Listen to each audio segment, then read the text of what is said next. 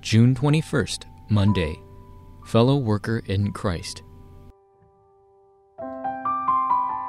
Romans chapter 16, verse 9. Greet Urbanus, our fellow worker in Christ, and my dear friend Stachys. The works Paul used the most were in Christ. This is because Paul considered the blessings in Christ as the greatest blessings. If we don't realize this blessing, we will not be able to overcome the great many accidents, calamities, and hardships that befall us in the future. Conversely, if we realize this blessing, the evidences will be given to us in our academics and our businesses. There is a reason why Paul said the words in Christ so frequently. Number one, the words that change our destiny. If we are in Christ, our destiny will change. This is a destiny that mankind cannot change. Originally, man lived in happiness together with God.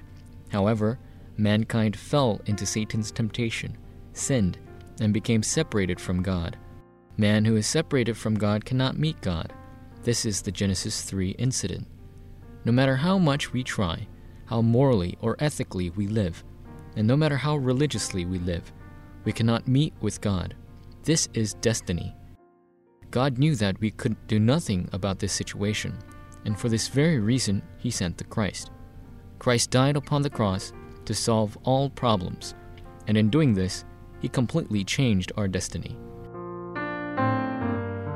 Number two, the words that change our status.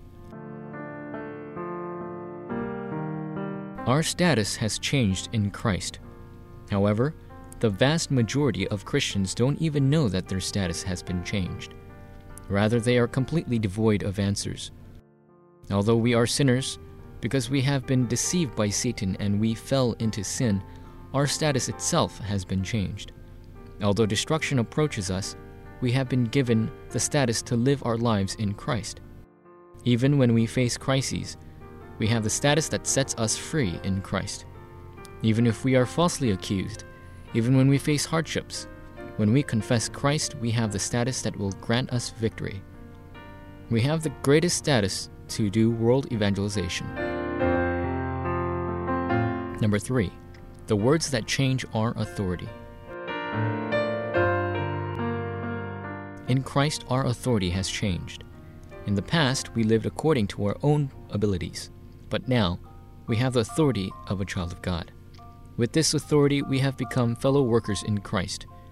In Christ, all people become one body that fulfills the plan of God. The members of the early church received the blessing of meeting with the evangelists and leaders who evangelize in Christ. And Paul received the blessing of meeting with disciples who evangelize.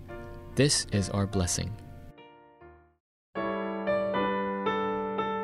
Forum topic in Christ, our illnesses, poverty, and the powerlessness are no problem at all. We just need to carry these things into Christ right now. Enjoy this blessing in prayer.